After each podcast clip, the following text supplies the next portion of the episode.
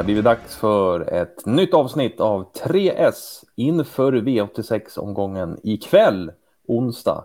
Och den avgörs på Tingsryd. Endast en bana som tävlar ikväll, så det är ingen expressomgång eller så. Det innebär ju att spelstoppet är redan 19.20 då V86 första avdelning körs. Så tänk på det alltså 19.20 redan. Och ja, banan är alltså Tingsryd som ligger i Småland och eh, ja, den är lite speciell, eller hur Linus Eriksson som är med mig idag för att göra det här programmet? Hallå Rickard! Jo, det är det ju. Eh, det är ju Sveriges enda milebana och det innebär ju att eh, det är endast i normala fall ett varv som gäller eller som vi, jag tror inte vi kommer att nämna det, men det är ett lopp som körs över två varv. Så 1609 meter är, mäter bankretsen och vi har ett långt upplopp på Tingsryd. Det är 285 meter så att eh, det är lite faktorer att ta med sig när man ska tippa. Mm, kanske inte bara är att leta spetsvinnare då? Nej, vi såg ju senast när de hade sin eh, Grand Slam 75-omgång, det är någon vecka sedan här, att eh, ja, det var inte det lättaste att stå hem hela vägen här när de kommer från alla håll över det långa upploppet. Och sen ska vi också nämna att det är ju jackpot på V86 ikväll också. Det blev ju jackpot på 6 rätt förra veckan på V86 så att det ligger drygt 7 miljoner kronor extra i 8 rättspotten ikväll. Och ja, då har det väl blivit dags att gå igenom rubrikerna och tipsen vi har här så att vi drar igång med första rubriken som är spiken.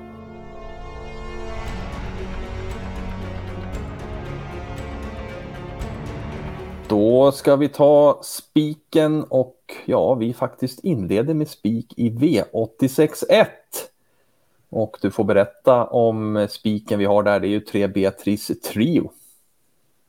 Ja, en häst eh, italienska här som eh, kom med fina meriter från Italien. Hade vunnit många lopp innan hon kom i träning hos eh, Admir Sukanovic.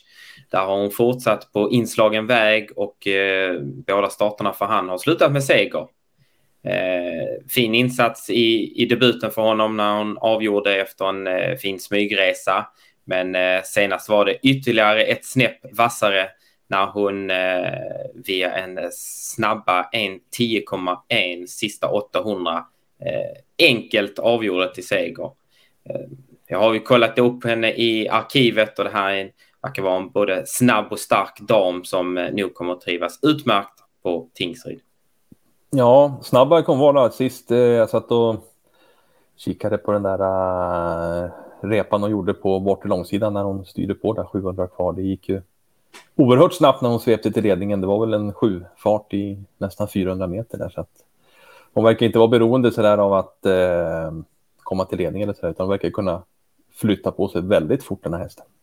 Ja, precis. Och om jag säger den tiden jag eh, klockade till 1.10,1 sista 800, då, då skulle det sägas att hon, eh, ja, kusken då, Kim Eriksson, sitter mest och åker sista biten så att eh, de hade nog kunnat pressa ner det ytterligare om det hade behövts.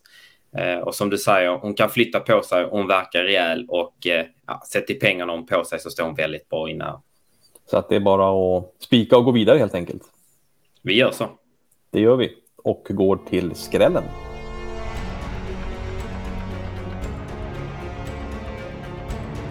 Då ska vi leta skräll och skrälloppet den här veckan på V86 blir den fjärde avdelningen.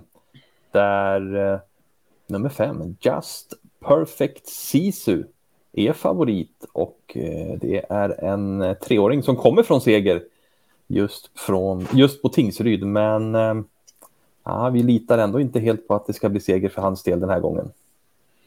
Nej, och han var ju faktiskt en av eh, få som lyckades leda hela vägen senast det begav sig eh, i Tingsryd. Men eh, vi läser väl loppet som så här att han inte kommer till någon ledning nu.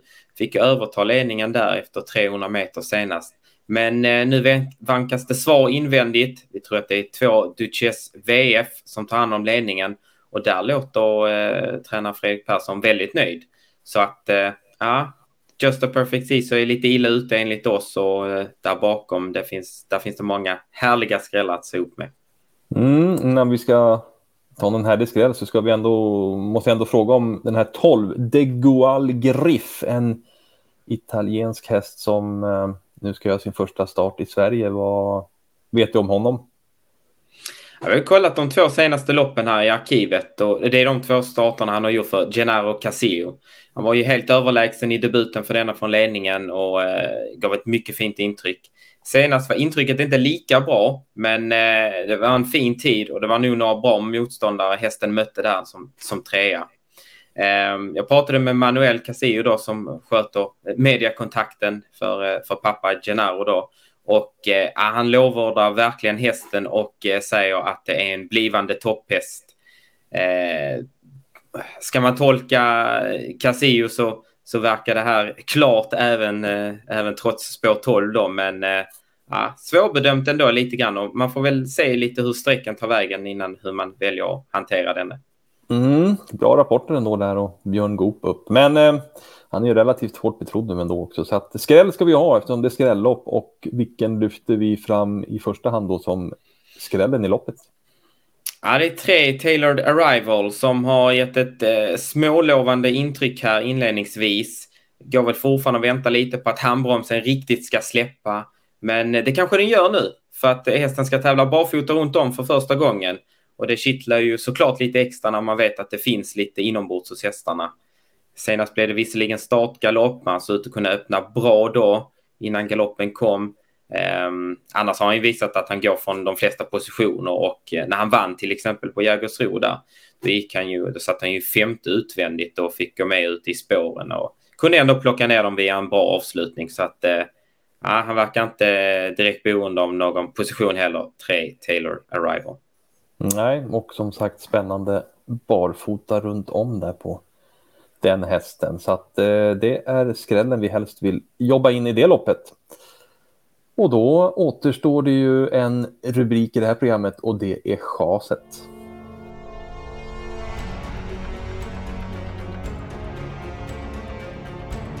Då så, chaset var det och då landar vi i V86 6 och det är faktiskt ett lopp som eh, kommer köras över två varv på den här milebanan då distansen är 3218 meter.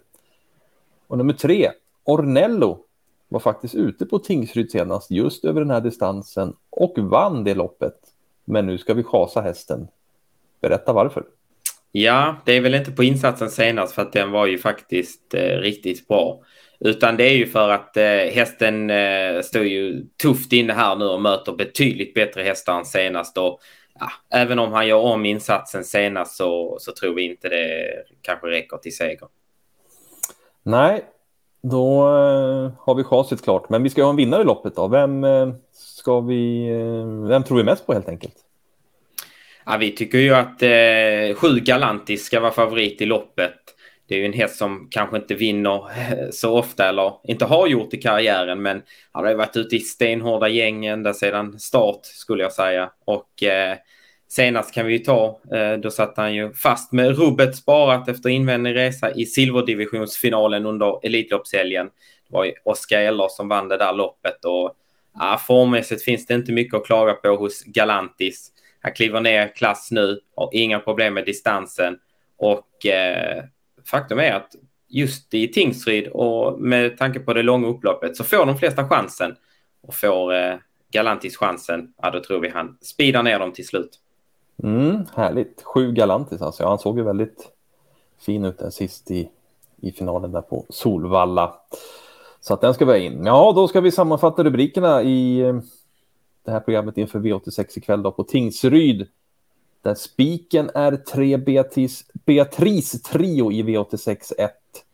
Skrällen eh, det är tre Tailored Arrival som vi har plockat fram i skrälloppet V86 4.